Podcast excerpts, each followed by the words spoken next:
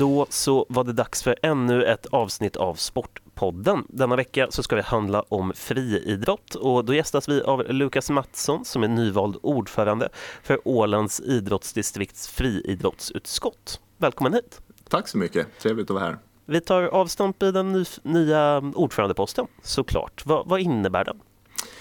Det är väl egentligen att, att koordinera egentligen friidrottsverksamheten på, på hela Åland, eh, skulle jag väl säga. Friidrotten på Åland är ju ganska splittrad så här organisatoriskt. Vi har ju OID som, är, som sköter om egentligen seniorverksamheten eh, och ehm, de äldre ungdomarna. Men sen har vi också ganska mycket verksamhet som sköts ute i kommunföreningarna. Det finns inom IFK, det finns inom eh, i Jomala och, och ute i kommunerna mycket verksamhet och där eh, står ju OID till, liksom vi ansvarar för att ordna tävlingar och, och hjälpa till eh, som backup för, för, för, den verksamheten också. OID för den som är nyfiken fick jag också lära mig precis, står för Ålands idrottsdistrikt. Bara för att va, alla lyssnare ska hänga med. Stämmer bra. um, men, men, hur länge sträcker vi sig? Är det tills vidare? Ettårigt mandat, så att från årsskifte till årsskifte. Och Eh, hur blev du vald? Ja, jag satt som vice ordförande förra året så att det var väl ganska naturligt att, att jag tog över nu egentligen. Det har väl varit en, en långsiktig plan under förra året måste jag också. Jag har suttit eh, lite över ett år nu med i, i utskottet. Eh, och eh, det var väl lite planen också kanske från eh, ett år sedan när jag gick med i utskottet att jag skulle bli ordförande. Och tydligen så tyckte de andra att jag har skött mig också. Men du ville bli vald också då? Ja, absolut. Det är kul. Men innebär detta att den som är vice ordförande nu blir ordförande nästa år också? Nej, nej, det är nog inte ett så här rullande grej. Vi får se hur det blir till nästa år. Jag kan nog bra tänka mig att fortsätta om allting går, allting går vägen och jag får fortsatt förtroende. Varför blev du, alltså varför du? Ja, det får du väl fråga de som valde mig kanske. Men eh, jag har alltid varit intresserad både av styrelsearbete i stort men också inom, inom friidrotten. Jag har ju varit aktiv själv i hur länge som helst. Eh, men nu börjar jag väl kanske eh, vara, vara lite på, på nedgången i de egna framgångarna. Så, där. Så, så då känner jag att jag kan hjälpa till på, på andra vis. Vad har du för tankar och visioner då? Det finns mycket som, eh, som kan göras, det, verkligen. Just nu har vi haft väldigt mycket utmaningar med, med coronapandemin och, och de begränsningar som det medför och sånt Men, men eh, sådär i stort så har vi ju, har vi ju enorm potential i och med nya friidrottsarenor. Det, det måste väl sägas vara den, eh, den stora långsiktiga eh, möjligheten. Eh, för jag tänker att vi kommer beröra båda de här punkterna under den här intervjun. Men vi, vi kan börja med corona pandemin. Mm. När, när, vi intervjuade dig senast för ett halvår sedan ungefär eh, så sa ni att ni inte riktigt visste vilken inverkan det skulle ha bland de yngre. Eh, för att man vet det först vid skolstart hur mm. intresset kommer se ut. Nu så har ett halvår passerat sedan skolstart ungefär. Hur har intresset varit? Över all förväntan måste jag säga, verkligen. För eh, det som hände, som vi faktiskt blev lite överraskade eh, av eh, just vid skolstarten då, så, så brukar det väl vara ett litet sådär inflöde av, men, men av nya aktiva som, som hittar en ny eh, aktivitet att hålla på med under skolåret. Eh, men det inflödet var väldigt mycket större än, än vanligt. Och det tyckte jag var väldigt, jag vet inte riktigt vad det beror på. Vi har diskuterat mycket om om det kan vara någonting så här individuell idrott som drar eller kanske att friidrotten har fått mycket uppmärksamhet i och med nya arenan och sådana saker. Men, men eh, det är jätteroligt att vi har fått nya som har blivit aktiva och nu så här ett halvår senare så kan vi ju säga också att det eh, många av dem som kom och testade på så, har, så är fortfarande aktiva. Alltså det, det brukar vara så, första veckan är det väldigt intressant men, men, eh, men sen droppar man av. Men, men det är långsiktiga, alltså nya engagerade. Men ni har inte frågat dem heller hur det kom sig att de var engagerade? Eh, nej, det har vi inte. Vi får väl göra någon liten enkät, uppföljning så här. Hur kan vi locka ännu fler? Och, men, och du nämnde också att eh, det fanns ett intresse på grund av den nya friidrottsarenan som inte är byggd ännu. Vad innebär det när den väl kommer bli byggd? Ja, där hoppas vi ju på ett ännu större upp, uppsving såklart. Just nu har vi ju ganska begränsade möjligheter att, att träna, åtminstone utomhus. Då. Vi, vi har ju Eckeröhallen eh, som vi håller till i inomhus. Tyvärr just nu då så, så fick vi veta igår att de kommer stänga igen några veckor eh, på grund av de här nya begränsningarna. Så där har vi ju lite. Men, eh, men det har ju kanske inte med den långsiktiga eh, biten att göra då, utan, utan med, helt och hållet med, med pandemin. Ja, men precis. När vi bokade den intervjun så var det ju ja, läget på Åland har förändrats mm. eh, sedan dess kan vi eh, sammanfatta det. Um, nu så är det maximalt tio personer. Ehm, är det bara att ni inte kan träna nu då? Eller vilken inverkan kommer det ha?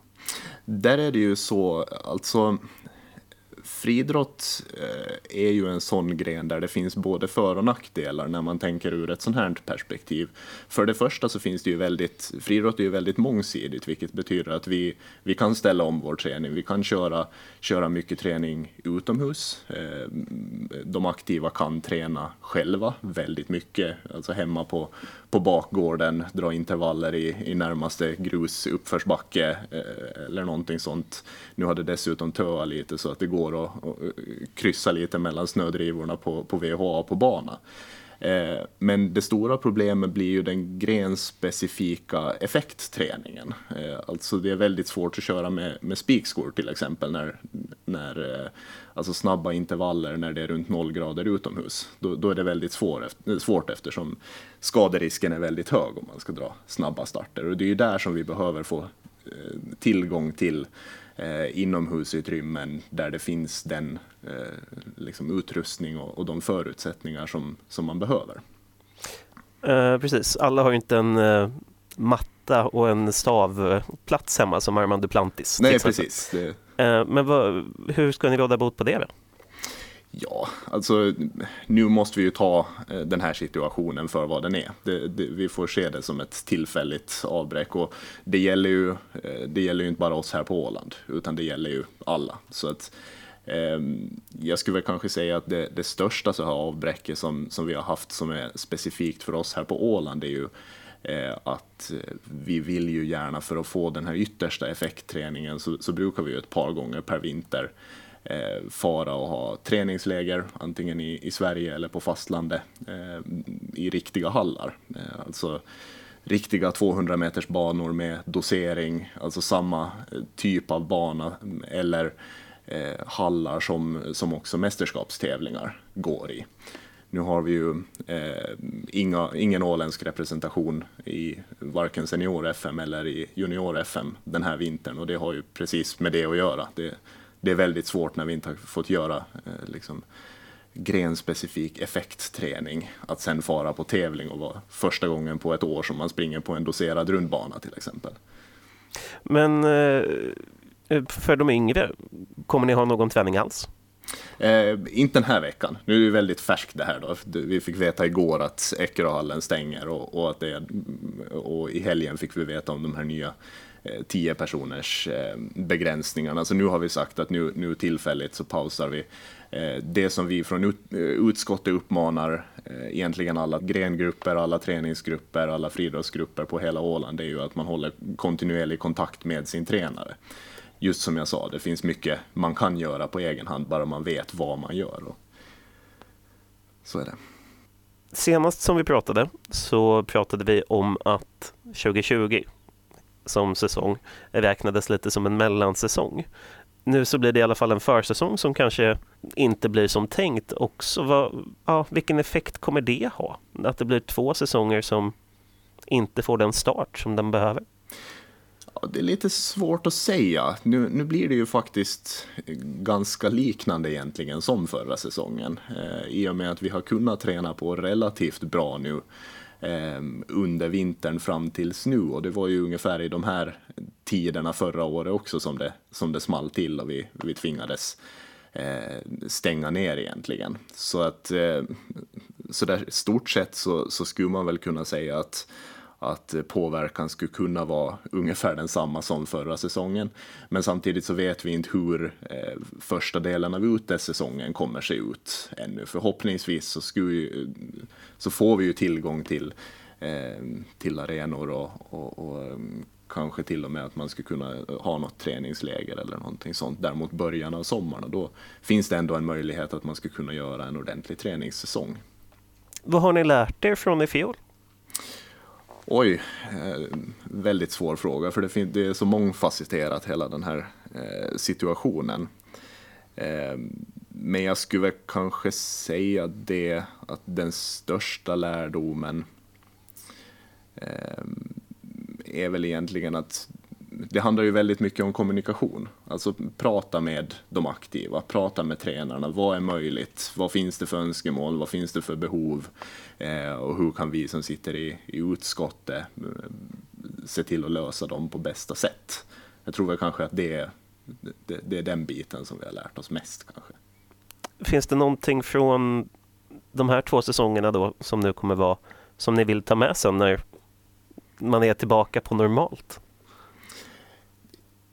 Jag tror kanske inte, jag, jag tror att den här säsongen kommer först och främst, jag försöker ju se det som så, när, när, vi ser det ur ett större perspektiv så försöker jag ju se den här säsongen som att det här är säsongen som vi får tillgång till vår nya arena. Eh, istället för att det här är nu den andra säsongen som, som går åt skogen på grund av coronapandemin. Vi måste ändå försöka lägga fokus där, att, att eh, vi, vi, fokuserar på att göra det så gott eh, vi kan, men, men att vi fokuserar på att få den nya arenan till så stor nytta som möjligt Då och utnyttja den hur går snacket bland eh, utövarna utövarna?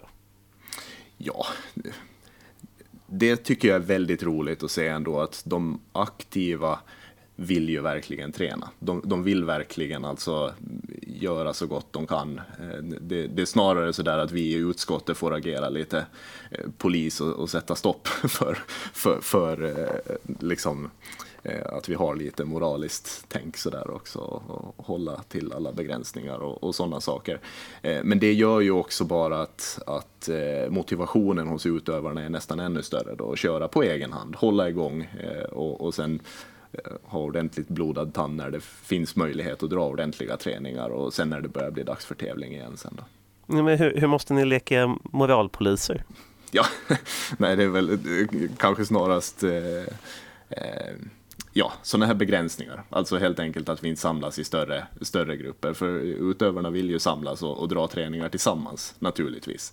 Eh, och det är väl där som vi försöker hitta lösningar helt enkelt så, så gott det går. För det, det är klart att det är roligare att träna tillsammans. Det, det förstår vi väl allihop det är inte alla som älskar att slänga i en podd och bara vara ute och springa helt enkelt. Nej, precis. Och, och ser man det ur ett tävlingsperspektiv för en aktiv eh, fridrottare så, så det, behövs det kanske lite mer än, än ut och lunka lite längs en, en, en landsväg.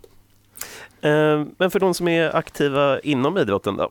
Eh, förra säsongen en mellansäsong. Hur ska ni arbeta för att den här säsongen ska bli bättre? Om vi räknar bort Baltic ur den ekvationen. Eh, ja, det är väldigt svåra frågor du ställer idag. Alltså det, det är väldigt svårt att eh, att, att, ehm, säga någonting specifikt så här om, om coronapandemin eftersom det, det är ju sådana saker som, som ändras dagligen, eh, eller åtminstone veckovis. Så att vi försöker ju hela tiden arbeta mot att det ska gå att göra saker det är ju hellre så att vi gör ett förberedande arbete och, och sen tvingas vi skala ner eller göra om eller helt ställa in än att vi inte är förberedda sen om det, om det går att göra. Det, vi, vi, har ju i flera månaders tid nu har vi försökt att, att få ihop eh, inomhusserien i Eckeröhallen som brukar vara väldigt, väldigt populär. Förra året hade vi 72 deltagare. Det var fyra deltävlingar och, och de flesta deltagarna var med på, på alla deltävlingar. Eh, men det vet vi ju själva, alltså det, det, eh, det, är en tävling alltså som riktar sig för, eh, till barn upp till 15 år där de egentligen får testa på alla friidrottens grenar och, och, så samlar man poäng under, under hela den Eh, de fyra deltävlingarna. Då. Det brukar vara jätteuppskattat för man får träffa barn, ungdomar från, från andra föreningar, man får mäta lite var man står och, och kanske allra viktigast då att man får, får eh, se för sin egen del att man går framåt när man är med flera eh, år i rad. Men det är ju en sån sak som vi har bollat väldigt mycket med nu och, och senaste vecka så, så tog vi ett, ett beslut att vi skulle försöka genomföra det, men att vi skulle dela upp det i, i olika föreningar eh, egentligen. Alltså att vi har eh, en eller två föreningar på plats per gång. Eh, så att de barnen i mindre grupper skulle kunna genomföra nu får de, de planerna också i stöpet då, i och med de här nya begränsningarna. Men, men eh, förhoppningsvis så ska vi väl få ihop någon form av inomhusserie eh, ändå. Vi, vi lever på hoppet.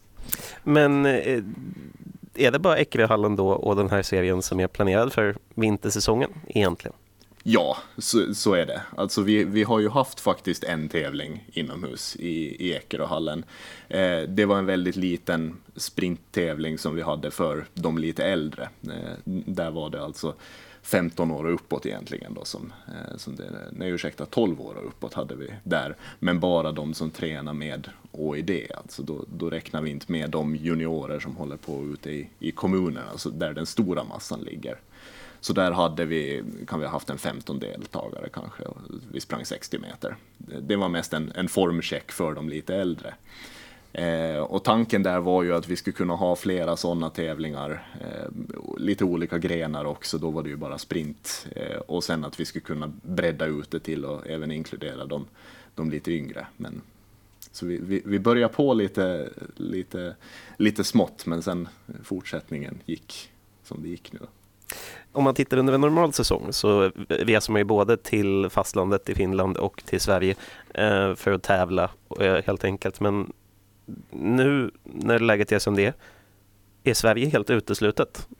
Ja, det måste man väl ändå säga att det är. Och, och där är ju verkligen jättesynd för, för eh, det, det är egentligen hela vintern går ju åt eh, till att juniorerna eh, far och tävlar, eh, juniorerna och seniorerna förstås, far till Stockholmsregionen där det finns jättemånga fina hallar. Så, så, under ett normalår så brukar vi från mitten av december till till egentligen den här tiden i mitten på februari då så brukar vi nästan ha representation på svenska sidan i någon tävling någonstans varje helg. Eh, och, och, det har vi ju inte haft den här säsongen överhuvudtaget. Det finns ingen som har varit i Sverige och tävlat.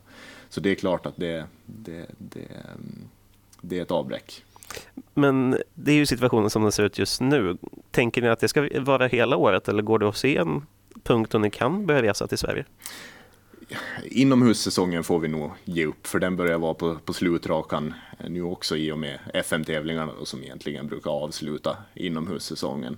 Så att nu får vi nog ställa om fokus när det gäller tävlingar till utomhussäsongen. Eh, Ehm, juniorerna brukar börja komma igång med någon enstaka eh, formtoppningstävling i, i april, maj och sen från, från juni så, så börjar det rulla på med, med lite inom citationstecken riktiga tävlingar då som, som eh, eh där vi har SFI-mästerskapen som, som är i Närpes i, i början på juli kanske som, eh, som första anhalten där då. Men ni blickar bara mot eh, fastlandet för de tävlingarna? Igen, där är det väldigt svårt att, att säga. Eh, situationen som vi har här på, på Åland är ju den att Sverige är ju naturligtvis, eh, när man vill ha mängd, när man vill ha många tävlingar så är det väldigt mycket enklare att ta sig till eh, Sverige. Där kan man fara över, eh, över dagen, springa ett lopp, vara med i en tävling, hoppa en, eh, en, en, en tävling och sen komma hem med, med kvällsfärjan. Eh, det går inte när man åker till till fastlandssidan. Eh, samtidigt värdetävlingarna är ju på fastlandssidan, eh, alltså finlandssvenska mästerskapen, SFI-mästerskapen och sen de nationella FN-tävlingar. Eh, det är ju där vi, vi samlar klubbpoäng och, och, där vi gör de resultat som sticker ut sen då i, i statistiken.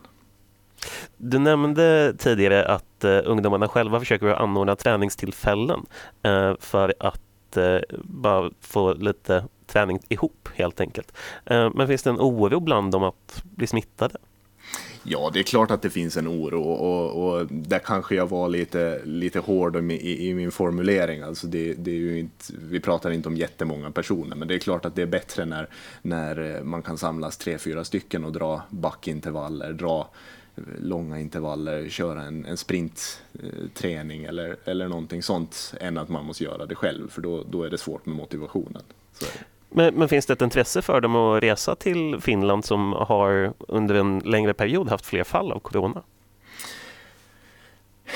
Ja, alltså det, det, har ju ordnats träningstillfällen till exempel i Åbo från SFI, alltså Svenska Finlands idrottsförbund, där vi har varit eh, inbjudna. Vi har inte haft någon representation på, på de tillfällen eh, just på grund av att det har varit väldigt liksom, eh, osäkert. Så, så det vittnar väl också om att vi, vi har ju någorlunda ansvarstagande. Men det är ni själva som drar då i nödbromsen till skillnad från ungdomarna som vill de Nej, resa? Där, var, där, är det faktiskt så att det, det, är ingen som har anmält intresse heller att åka på dem, utan vi har, vi har ju sagt så gemensamt att det ja, är det någon som vill åka till Åbo så, så, så går det ju. Det, det, finns ju en hall där.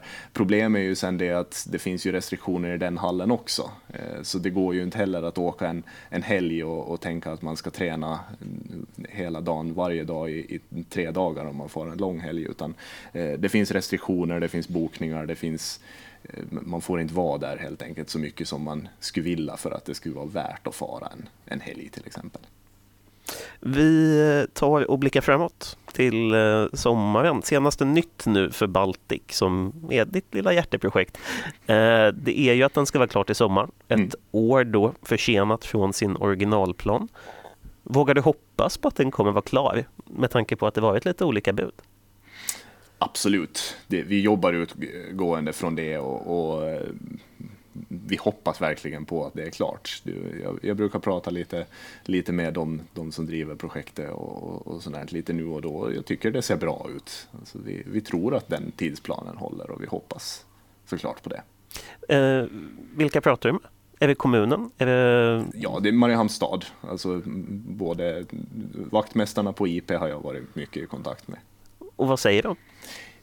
Det senaste jag hörde så, så, går allting enligt plan. De hann så långt de hade tänkt innan eh, första eh, frosten och snön kom. Eh, och det som ska göra, grundarbete är lagt för banorna eh, och, och, det som ska göras sen då när eh, till, till våren är ju att det ska asfalteras och sen ska det läggas banmassan på det. Eh, banmassan läggs ju av, av leverantören så de, de kommer hit och gör det. Eh, bara vi har asfalten, eh, underlaget klart åt dem. Men eh, inga läktare eller så som är... Nej, läktaren kommer, kommer senare. Men eh, det är inte heller det viktiga för, för oss i nuläget. Vi vill komma igång med, med ordentliga träningar och, eh, och, och lite mindre träningstävlingar i första hand. Eh, så, så, men eh, såklart blickar vi ännu längre fram sen då så 2022 har vi SFI-mästerskapen där vi har hela, hela svensk Finland som kommer hit för att Eh, och tävla och då skulle det ju vara bra senast då med en läktare. Men före det så, så är inte läktaren eh, för oss prio ett. Vad skulle hända ifall någonting skiter sig och den inte står klar till sommar? Det vill jag inte tänka på tänkte jag säga. Men eh, alltså, vi kan träna på VH. Men vi kan inte hålla tävlingar om vi säger det sådär lite karikerat. Då. Eh, det finns tre banor vilket betyder att ska vi ha flera som, som ska eh, tävla eh, så, så blir det väldigt många hit. Det, det är ju det som är eh, nackdelen med, med, med få banor. Det blir ju den begränsningen. Eh, kanske den största sådär avbräcket om det blir ännu ett år försenat är att vi kan ju inte hålla heller någon eh, Eh, någon tävling där vi har utomstående, utan då är det ju bara för oss själva. Eh, och det skulle ju vara väldigt tråkigt för, för idrottarna i och med att det, eh, det är ändå en, en, en, speciell känsla att få, få matcha sig själv mot utomstående på hemmaplan. Det, det vet jag själv från min karriär. Det är alltid lite eh, lite extra spännande när man springer inför hemmapublik, när man har vänner och bekanta som, som hejar på eh, mot andra än de som man ändå tränar mot eh, liksom var, varje dag då egentligen. Eh, när en ny eh, friidrottsarena byggs, eh, vi hoppas ju såklart att den står klar till sommaren som tanken är just nu när vi spelar in det här. Eh, men finns det några barnsjukdomar som man behöver åtgärda som ni tänker redan nu? Ja, det är klart att det finns ganska mycket som ska mm, kalibreras och ställas in och testa att utrustning fungerar och, och det är ju klart sen också har vi ju funktionärsbiten, det finns mycket nytt att lära sig. Eh, det blir ju ofta så när man, eh, när man har liksom ett, ett, samma gamla gäng som är funktionärer på samma gamla arena eh, till i stort sett samma upplägg på, på tävlingar varje gång, så mycket går på rutin. Och de rutinerna kommer ju inte fungera nu på den nya arenan, utan det blir, det är klart att, och sen har vi den tekniska biten såklart med, med till exempel tidtagningsutrustning är ju väldigt, väldigt känslig teknik där mycket ska, ska fungera för att man ska få giltiga tider. Eh, och eh, det är ju sånt som måste ställas in och fixas också. Som, där allting är klart på, på VHA idag men som behöver sättas upp och, och, och kolla att allting fungerar och att, kanske främst att vi lär oss den också. Hur lång tid räknar du med att det tar? Ja, innan vi har allting ur ett, ur ett stort perspektiv igen då så, så ska vi väl säga att vi har allting eh, felfritt och, och, att alla vet vad de håller på med senast till SFI-mästerskapen, om vi ser det så då. Men, men eh, under den här säsongen så ska vi ju så hoppas vi ju att allting ska, ska funka och, och tanken är också till, eh, till hösten att vi ska ha ett par invigningstävlingar, testtävlingar och sånt där, där vi just repeterar att allting fungerar då, och lär oss av våra misstag då förhoppningsvis. Eh, det är ju ingen stafettkarneval eh, som er, men det ska planeras mindre stafettfester eh, i höst. Går den att anordna utan Baltic på ett bra sätt? Där är det igen då, alltså vi vet att vi klarar av att hålla tävlingar på Eh, på VH. Det har vi ju gjort eh, tidigare såklart. Eh, Problemet snarast om det blir en tävling med ganska mycket deltagare som vi ändå brukar ha i, i stafettkarnevalen, stafett-OM ehm, från skolorna så är ju att, igen då att det blir väldigt många hit. Så det blir en ganska utdragen tävling. Men det går att göra på VH det, det, är absolut inga problem. Eh, men, men det blir lite mera utdraget. Det är inte optimalt. Det är inte optimalt, precis. Eh, men låt oss säga att eh, Baltic står klart till sommaren. Ni kommer ju med, i alla fall som det ser ut nu, med största säkerhet inte kunna inviga den med stort buller och bång. Det blir liksom ingen folkfest per automatik, så det blir inte heller gratis PR och inte en uppmärksamhet som ni säkert hade velat önska det blir i alla fall i mitt synsätt då inte heller ett garanterat uppsving genom att ni får aktiva idrottare som blir intresserade. Um, hur ställer vi det till det? Vad är din syn på ditt, detta dilemma? Jag tror att du har helt rätt i med att eh, alltså, ingenting kommer gratis. Det är tankesättet. Men samtidigt så ser jag det som att det finns potential eh, om vi gör, eh, alltså friidrottsutskottet gör eh, allting rätt från vår sida. Eh, I och med att det finns ålänningar är av, av tradition väldigt nyfikna och, och eh, sådär när det kommer nya saker.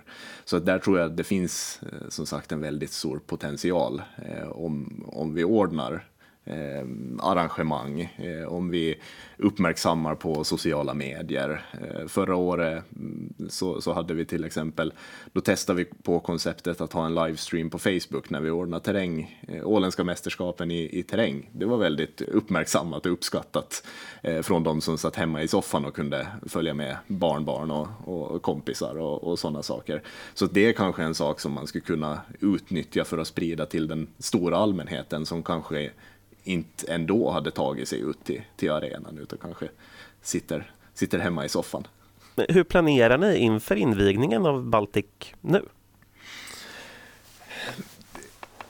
Egentligen är det bara, bara idéer eh, i nuläget. Eh, I och med att vi, vi vill kanske ha mera konkret eh, tidtabell, eh, konkret vad vi kommer kunna göra planen från långt tillbaks innan eh, coronapandemin slog till var ju att ha en, en större invigningstävling där vi bjöd in eh, alltså idrottsföreningar från både fastlandet och från, från svenska sidan för att verkligen då eh, uppmärksamma att vi har den här eh, arenan, inte bara för att, att uppmärksamma arenan här på Åland utan också utanför Åland, för Åland är ju ett attraktivt eh, resmål för idrottsturism och, och nya arenan kommer bli eh, liksom modern standard. Så den kommer hålla hög klass och, och det kommer finnas ett sug, det vet vi redan från, från åtminstone de kontakter vi har med idrottsföreningar på, på fastlandet. Att de är intresserade att komma på, på träningsläger, komma på tävlingar. Eh, så, så det finns ett stort intresse. Så det var ju planen från, från början. Eh, nu kan det hända att vi får skala ner och, och, och se lite mer lokalt på det då. Men där vet vi också att, att om vi breddar ut utanför de eh, som är Eh, aktiva i, i vår verksamhet. Så på Åland finns det också en bredare skara med eh, motionärer eh, till exempel. Och där kunde ju vara ett, vi har redan fått förfrågningar till exempel om att ordna 5 och 10 000 meters lopp på bana för sådana som kanske snarare springer 10 kilometers motionslopp ute på landsväg eller i terräng eller någonting sånt och, och testa göra egentligen samma sak fast i ett lite nytt format. Så att där tror jag mer att, att utskottet får ju tänka kreativt om det blir så att vi har restriktioner som vi antagligen har då, fortfarande i sommar och, och förhålla oss till. Men eh, skulle de här 5 och 10 000 meters loppen vara på invigningen eller hur, hur, går tankarna specifikt kring invigningen nu? Ni måste ju bygga upp olika scenarion.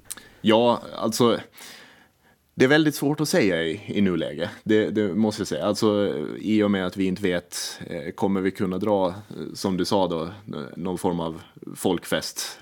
Eller kommer vi måste hålla det internt och inviga på det viset? Jag tror att vi måste vänta lite mera tills vi vet lite mer vad vi, vad vi får och vad vi kan göra innan vi bestämmer vad som exakt blir inriktningen på, på just invigningstävlingen. Då.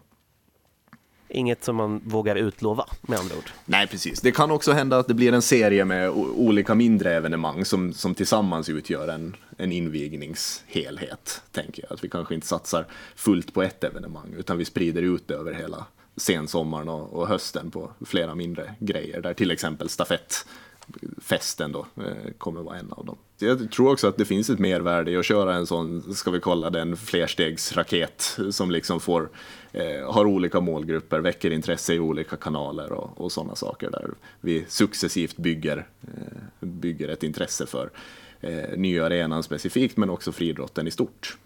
Om ett år, så när du suttit på din post i ett år, vad hoppas du att du ska ha åstadkommit under den perioden? Jag hoppas väl att, att vi har liksom ökat medvetenheten och intresse för friidrotten.